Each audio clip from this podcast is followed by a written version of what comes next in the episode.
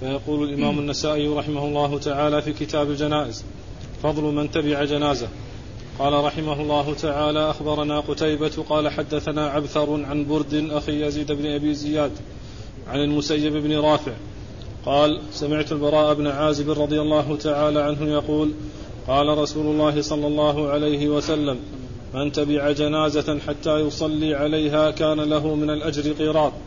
ومن مشى مع الجنازة حتى تدفن كان له من الأجر قيراطان والقيراط مثل أحد. بسم الله الرحمن الرحيم. الحمد لله رب العالمين وصلى الله وسلم وبارك على عبده ورسوله نبينا محمد وعلى آله وأصحابه أجمعين. أما بعد يقول النسائي رحمه الله آه، فضل من اتبع الجنازه المراد من هذا بيان أن اتباع الجنازة مستحب. وأن فيه فضلا واجرا عظيما عند الله عز وجل. والنسائي رحمه الله لما ذكر الأمر باتباع الجنائز عقبه بباب فضل اتباع الجنائز وأنه مأمور به وأن فيه فضل وفيه أجر عظيم عند الله عز وجل.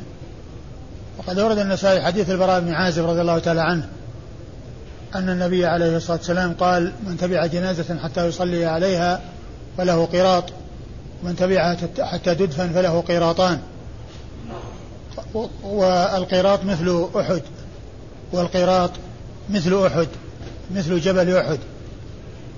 هذا الحديث يدلنا على فضل اتباع الجنائز وأن فيه أجرا عظيما وأن من, وأن من اتبعها وصلى عليها فإن له ذلك الأجر الذي هو قيراط فإذا تبعها حتى تدفن فيكون له قيراطان أي قراط لكونه آه، صلى عليها وتبعها حتى تدفن وقراط لكونه تبعها بعد ذلك حتى آه، آه، قراط لأنه تبعها حتى يصلى عليها وقراط بعد عندما تبعها بعد ذلك حتى تدفن. فالمراد بالقراطين يعني لمجموع الأمرين. وليس معنى ذلك أن الدفن له قراطان والصلاة لها قراط بل المقصود أنه إذا مشى إلى الصلاة وأنها حصلت منه الصلاة فله قراط. فإن استمر مع ذلك إلى أن دفنت فيكون له قراطان قراط على كونه تبعها حتى تدفن وقراط على كونه تبعها حتى يصلي عليها. وبين في الحديث أن القراط مثل جبل أحد وأنه مقدار من الأجر والثواب آه، هو بهذا المقدار وبهذا المقياس الذي هو مثل جبل أحد. والجبل وشبه ذلك بالجبل الذي هو بمرأ من أهل المدينة يشاهدونه ويعاينونه وأن الأجر عظيم والثواب جزيل عند الله وأن من حصل منه الصلاة على الجنازة فله قراط وهو أجر مثل جبل أحد وإذا تبعها حتى تدفن وله قيراط آخر ويكون له بالصلاة وباتباع حتى الدفن قيراطان كل قيراط منهما مثل جبل أحد. وهذا يدلنا على عظم فضل الصلاة على الجنازة وعلى فضل اتباعها وأن في ذلك أجرا عظيما وثوابا جزيلا. ولما بلغ الحديث عبد الله بن عمر رضي الله تعالى عنه صاحب رسول الله صلى الله عليه وسلم الذي فيه أن من اتبع الجنازة حتى يصلي عليها فله قراط ومن صلى تبع حتى تدفن له فله قراطان.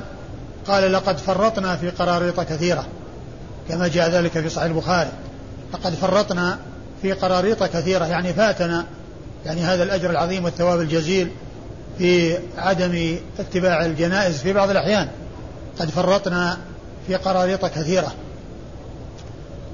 وكان من عادة البخاري رحمه الله أن الحديث إذا جاء فيه كلمة غريبة فإنه لا يفسر الكلمة الغريبة نفسها وإنما يأتي إلى لفظة تماثلها في القرآن فيأتي بالكلمة من القرآن فيفسرها فيكون بذلك فسر القرآن والحديث معا في آن واحد. هذه طريقة البخاري رحمه الله. وعندما جاء هذه الكلمة وهي فرطنا كلام ابن عمر فسرها بق... أتى بكلمة فرطت في جنب الله التي في القرآن في سورة الزمر.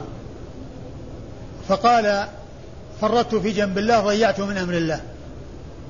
يعني التفريط يعني أنها تضييع وتفويت. معناه فرطنا في قراريط كثيرة يعني فوتنا على أنفسنا وضيعنا على أنفسنا قراريط كثيرة. ففسر بدل أن يفسر الكلمة وهي فرطنا في قراريط كثيرة وهي كلمة ابن عمر في الحديث. أتى بالكلمة من القرآن التي هي بهذا اللفظ وهي فرطت في جنب الله فقال ضيعت من أمر الله. هذه طريقة البخاري رحمه الله تعالى. يعني عندما يجد الإنسان كلمات للبخاري بعد سياق الأحاديث يفسر بها كلمات من الأحاديث فإنه يأتي بكلمة من القرآن تماثل كلمة من الحديث فيفسر الكلمة من القرآن وبذلك يكون فسر القرآن وفسر الحديث. يكون بذلك فسر القرآن وفسر الحديث رحمة الله عليه. والإسناد يقول النسائي أخبرنا قتيبة. قتيبة وهو بن سعيد بن جميل بن طريف البغلاني ثقة ثبت أخرج له أصحاب الكتب الستة. عن عبثر وهو ابن القاسم عبثر ابن القاسم وهو ثقة. نعم أخرج له أصحاب الكتب الستة. وهو ثقة أخرج له أصحاب الكتب الستة عبثر بن القاسم ثقة أخرج له أصحاب الكتب الستة. عن برد أخي يزيد بن أبي زياد. عن برد أخي يزيد بن أبي زياد وهو أيضا ثقة. أخرج له. النسائي وحده. وهو ثقة أخرج حديثه النسائي وحده. برد بن برد أخي زياد بن يزيد ثقة ثقة أخرج حديثه النسائي وحده. أخي يزيد بن أبي زياد. أخو يزيد بن أبي زياد أخو يزيد بن أبي زياد. أيوه. عن المسيب برد بن هو قال؟ نعم. ما قال برد بن لا بس برد أخي يزيد بن أبي زياد. نعم طيب. يزيد برد بن أبي زياد. عن المسيب بن رافع. عن المسيب بن رافع. المسيب بن رافع وهو ثقة أخرج له أصحاب الكتب الستة. قال سمعت البراء بن عازب. قال سمعت البراء بن عازب صاحب رسول الله صلى الله عليه وسلم وهو صحابي مشهور. أخرج حديثه أصحاب الكتب الستة. وقال رحمه الله تعالى أخبرنا محمد بن عبد الأعلى قال حدثنا خالد قال حدثنا أشعث عن الحسن عن عبد الله بن المغفل رضي الله تعالى عنه قال قال رسول الله صلى الله عليه وسلم من تبع جنازة حتى يفرغ منها فله قيراطان فإن رجع قبل أن يفرغ منها فله قيراط. ثم ورد النسائي حديث عبد الله بن المغفل رضي الله تعالى عنه أن النبي عليه الصلاة والسلام قال من تبع جنازة حتى يفرغ منها فله قيراطان فإن رجع قبل أن يفرغ فله قيراط. وهذا يشبه الذي قبله لأن ذاك فيه تفصيل وهو أنه إذا تبعها حتى يصلى عليها له قيراط وأنه إن استمر مع وأنه إن تبعها حتى تدفن فله قيراطان قراط للصلاة وما قبلها وقراط للدفن وما قبله بعد الصلاة. فهنا قال من تبع الجنازة حتى يفرغ من دفنها فله قراطان. فإن رجع قبل أن يفرغ فله قراط. فهو مثل الذي قبله. إن صلى عليها فله قراط وإن لم وإن تبعها ولم يكن معها حتى تدفن, تدفن بل رجع بمعنى بل لم يذهب أو ذهب ورجع قبل أن تدفن فإنه له ذلك القراط الذي حصله على الصلاة. فهو مثل حديث عبد الله بن المغفل يعني يشبه حديث عبد حديث البراء بن عازب إلا أن حديث البراء بن عازب فيه تفصيل. وأما إسناد الحديث فيقول النسائي أخبرنا محمد بن عبد الأعلى. أخبرنا محمد بن عبد الأعلى الصنعاني البصري وهو ثقة أخرج حديثه مسلم وأبو داود في كتاب القدر والترمذي والنسائي البخاري مسلم ومسلم وأبو داود في كتاب القدر والترمذي والنسائي وابن ماجه. عن خالد. عن خالد وهو بن الحارث البصري وهو ثقة أخرج له أصحاب الكتب الستة. عن أشعث وأشعث هذا يحتمل أن يكون أشعث ابن عبد الله بن جابر الحداني وأن يكون أشعث بن عبد الملك الحمراني لأن هذين الاثنين كل منهما خرج له خالد بن الحارث. والحسن البصري روى عنه جماعة ممن يسمون بأشعث خمسة أشخاص لكن الذي روى عنهم خالد بن الحارث ممن يسمون بأشعث اثنان وهما الحداني والحمراني الحداني والحمراني. فيحتمل هذا ويحتمل هذا لأنني ما وجدت التنصيص على تسميته لأنه في النساء وحده وفي تحفة الأشراف ما نسبه وفي آه تهذيب وفي تهذيب الكمال. ذكر أن خالد يروي عن اثنين ممن يقال لهم أشعث وهما الحمراني والحداني وأن آه، أشعث وأن الحسن البصري يروي عنه خمسة ممن يقال لهم أشعث. وعلى هذا فيحتمل أن يكون أحد الاثنين الحمراني والحداني. والحداني صدوق أخرج له مسلم وأصحاب السنن أخرج له البخاري تعليقا وأصحاب السنن. والحمراني ثقة أخرج له أيضا مثل الذين أخرجوا للحداني البخاري تعليقا وأصحاب السنن الأربعة. عن الحسن. وعلى كل سواء يكون الحداني أو الحمراني أحدهما صدوق والثاني ثقة. فلا يؤثر آه، عدم التمييز. وإنما الذي يؤثر إذا كان أحدهما ضعيف والثاني ثقة. فإنه قد يكون الضعيف فيكون الحديث لا يصح أو الإسناد لا يصح. لكن حيث يكون كل منهما محتج به وكل منهما مقبول حديثه وإن كانوا متفاوت وإن كانوا متفاوت وإن كان متفاوتين في آه، آه، درجة بأن يكون أحدهما صدوق يعني حديثه حسن والثاني ثقة حديثه صحيح فكل منهما من قبيل المقبول كل منهما من قبيل المقبول فسواء يكون هذا أو هذا فإنه لا لا محذور ولا لبس ولا إشكال. والحسن ابن أبي الحسن البصري المحدث الفقيه المشهور ثقة آه، فقيه يرسل ويدلس وحديثه أخرجه أصحاب الكتب الستة. عن عبد الله بن مغفل. عن عبد الله بن مغفل صاحب رسول الله صلى الله عليه وسلم وحديثه أخرجه أصحاب الكتب الستة. وقال رحمه الله تعالى مكان الراكب من الجنازة. قال أخبرنا زياد بن أيوب قال حدثنا عبد الواحد بن واصل قال حدثنا سعيد بن عبيد الله وأخوه المغيرة جميعا عن زياد بن جبير عن أبيه عن المغيرة بن شعبة رضي الله تعالى عنه قال قال رسول الله صلى الله عليه وسلم الراكب خلف الجنازة والماشي حيث شاء منها والطفل يصلى عليه. ثم ورد النسائي مكان الراكب من الجنازة. يعني عندما يتبع الإنسان الجنازة وهو راكب فأين مكانه وأين موقعه؟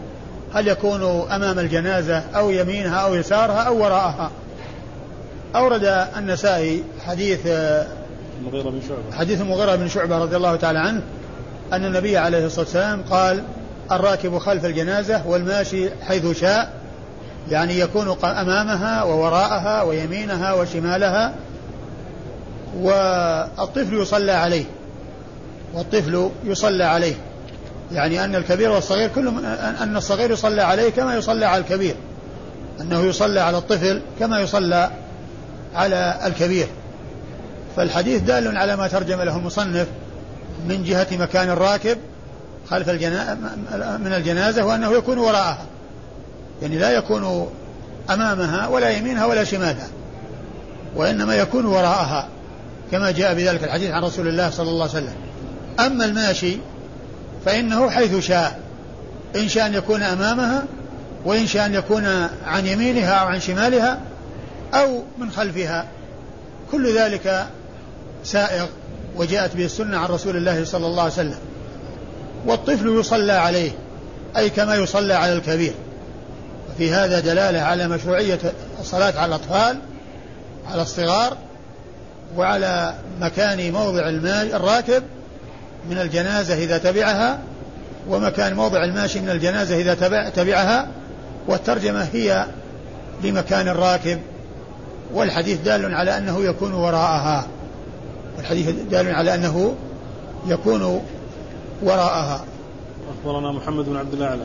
أخبرنا محمد بن عبد الأعلى وقد مر ذكره. عفوا أخبرنا زياد بن أيوب. زياد بن أيوب. أخبرنا زياد بن أيوب.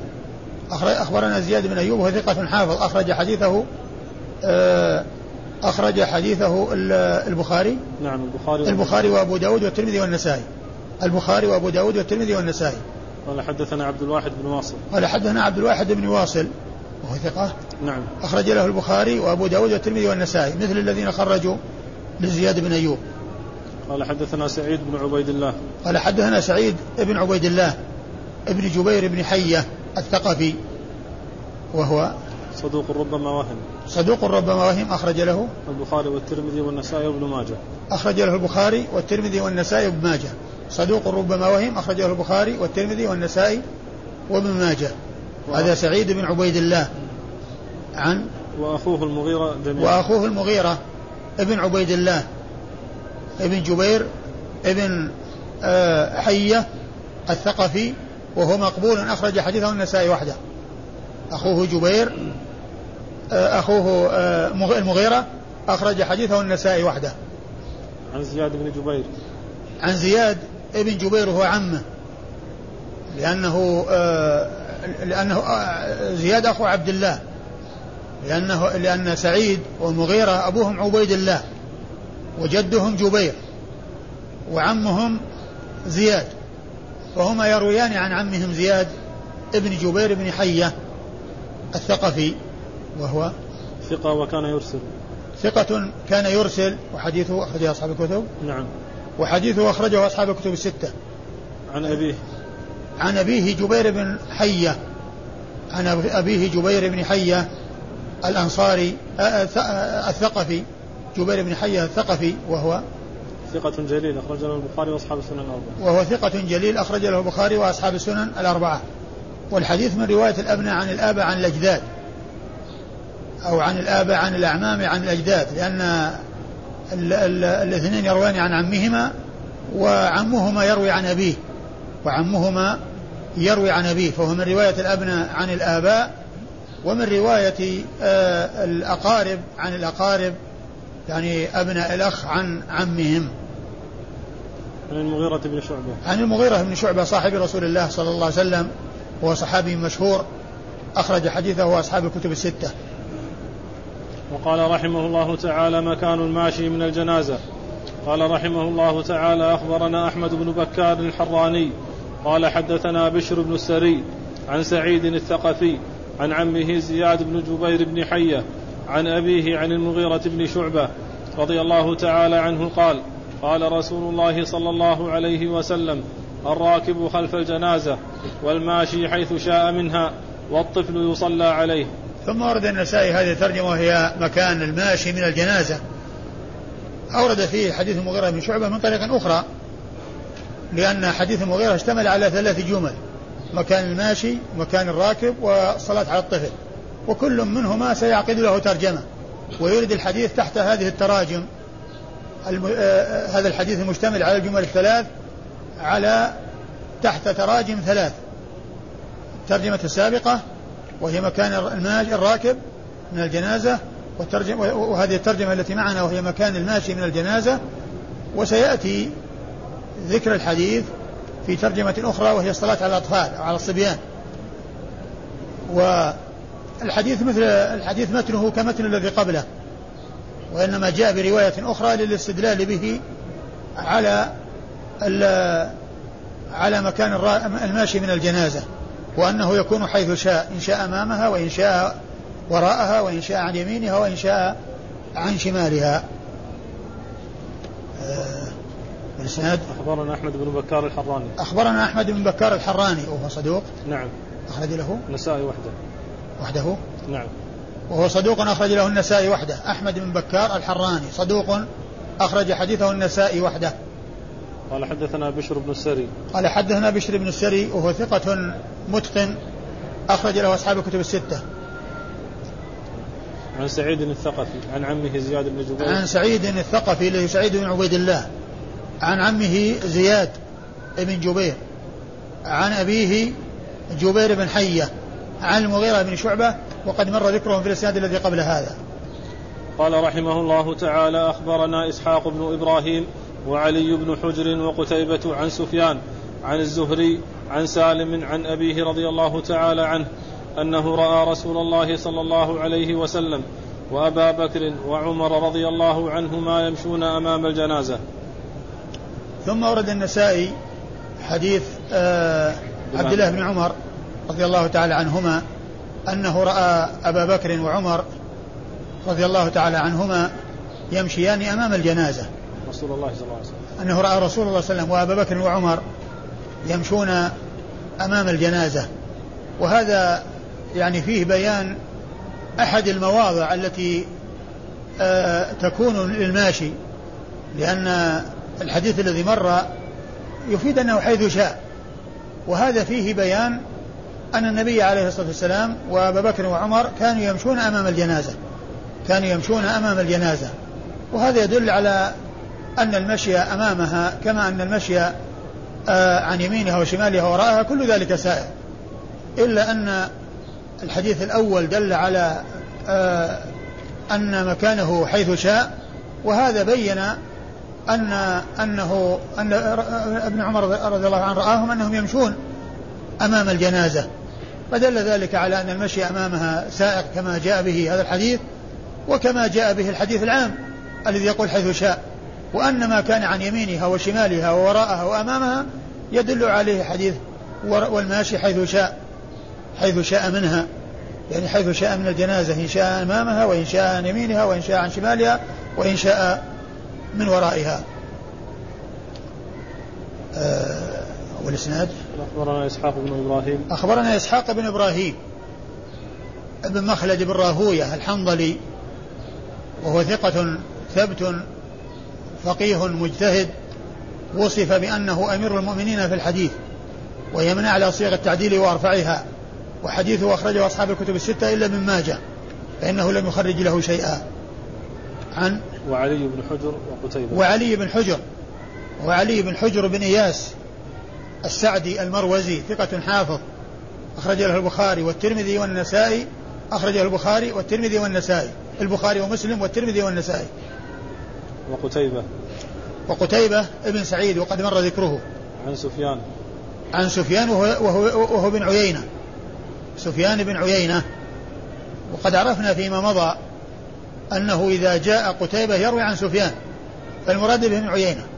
وإذا جاء سفيان غير منسوب يروي عن الزهري فالمراد به بن عيينة. يعني هنا اجتمع الأمران. اجتمع قتيبة يروي عن سفيان وسفيان يروي عن الزهري فهو بن عيينة. ولو جاء ولو جاء قتيبة عن سفيان فقط وهو يروي عن الزهري يحمل على ابن عيينة. ولو جاء ابن عيينة يروي عن الزهري وليس فيه قتيبة فالمراد به ابن عيينة. وهنا اجتمع فيه أمران من حيث التلاميذ ومن حيث الشيوخ. من حيث التلاميذ ومن حيث الشيوخ فسفيان هذا المهمل الغير المنسوب المراد به سفيان ابن عيينة المكي وهو ثقة أخرج له أصحاب الكتب الستة. عن الزهري عن سالم. عن الزهري وهو محمد بن مسلم بن عبيد الله بن عبد الله بن شهاب بن عبد الله ابن زهرة ابن الحارث بن زهرة بن كلاب. ينتهي يلتقي نسبه مع نسب الرسول صلى الله عليه وسلم بجد النبي صلى الله عليه وسلم كلاب. لأن قصي بن كلاب وزهرة بن كلاب أخوان. ولهذا يقال له الزهري نسبة إلى جده الذي هو زهرة بن كلاب. ويقال له ابن شهاب نسبة إلى جده شهاب الذي هو جد جده. وهو مشهور بهاتين النسبتين. نسبة بابن ونسبة بالياء. ابن شهاب وبالزهري وهو ثقة فقيه إمام جليل مكثر من رواية حديث رسول الله صلى الله عليه وسلم وحديثه أخرجه أصحاب الكتب الستة. عن سالم. عن سالم ابن عبد الله بن عمر بن الخطاب وهو ثقة فقيه أخرج له أصحاب الكتب الستة وهو أحد الفقهاء السبعة في المدينة في عصر التابعين على أحد الأقوال الثلاثة في السابع منهم. لأن. لأن المدينة اشتهر بها في عصر التابعين سبعة. ستة متفق على عدهم بالفقهاء السبعة. وواحد فيه خلاف على أقوال ثلاثة. والستة هم عبيد الله بن عبد الله بن عتبة بن مسعود وخارجة بن زيد بن ثابت وعروة بن الزبير بن العوام والقاسم بن محمد بن أبي بكر وسليمان بن يسار وسعيد المسيب هؤلاء ستة متفق على عدهم بالبقاء السبعة. والسابع فيه ثلاث أقوال. قيل سالم بن عبد الله بن عمر الذي معنا. وقيل أبو بكر بن عبد الرحمن بن الحارث بن هشام وقيل أبو سلمة بن عبد الرحمن بن عوف. قيل أبو سلمة بن عبد الرحمن بن عوف. وهؤلاء السبعة أو آه التسعة يعني آه, آه، الثلاثة المختلف فيهم والستة المتفق عليهم كلهم خرج لهم أصحاب الكتب الستة. كلهم خرج لهم أصحاب الكتب الستة. عن أبيه. عن أبيه عبد الله بن عمر بن الخطاب رضي الله تعالى عنهما صاحب رسول الله صلى الله عليه وسلم أحد العبادلة الأربعة من أصحابه الكرام رضي الله عنهم وأرضاهم وأحد السبعة المعروفين بكثرة الحديث عن النبي صلى الله عليه وسلم. قال رحمه الله تعالى أخبرنا محمد بن عبد الله بن يزيد. قال حدثنا أبي. قال حدثنا همام. قال حدثنا سفيان ومنصور وزياد وبكر هو ابن وائل. كلهم ذكروا أنهم سمعوا من الزهري يحدث أن سالما أخبره أن أباه رضي الله تعالى عنه أخبره أنه رأى النبي صلى الله عليه وسلم وأبا بكر وعمر وعثمان يمشون بين يدي الجنازة. بكر وحده لم يذكر عثمان. قال أبو عبد الرحمن هذا خطأ والصواب مرسل. ثم ورد النسائي آه، حديث عبد الله بن عمر من طريق أخرى.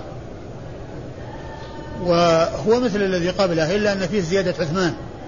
وهي من بعض الرواة الذين ذكرهم لأنه ذكر جملة من الرواة رووا الحديث ولكن واحدا منهم زاد عثمان والباقون لم يذكروا عثمان وإنما ذكروا أبا بكر وعمر مع النبي صلى الله عليه وسلم كما في الطريق السابقة التي ليس فيها عثمان. وهنا هذه الطريقة الأخرى فيها آه ذكر عثمان ولكن ذكر عثمان إنما هو من بعض الرواة. إنما هو من بعض الرواة. أيوة. أخبرنا محمد بن عبد الله أخبرنا محمد بن عبد الله بن يزيد المقري وهو ثقة المكي وهو ثقة أخرج حديثه النسائي وابن ماجه. نعم. أخرج حديثه النسائي وابن ماجه. عن عبد الله بن يزيد. عن عبد الله بن يزيد عبد الله بن يزيد المقري المكي وهو ثقة أخرج له أصحاب الكتب الستة.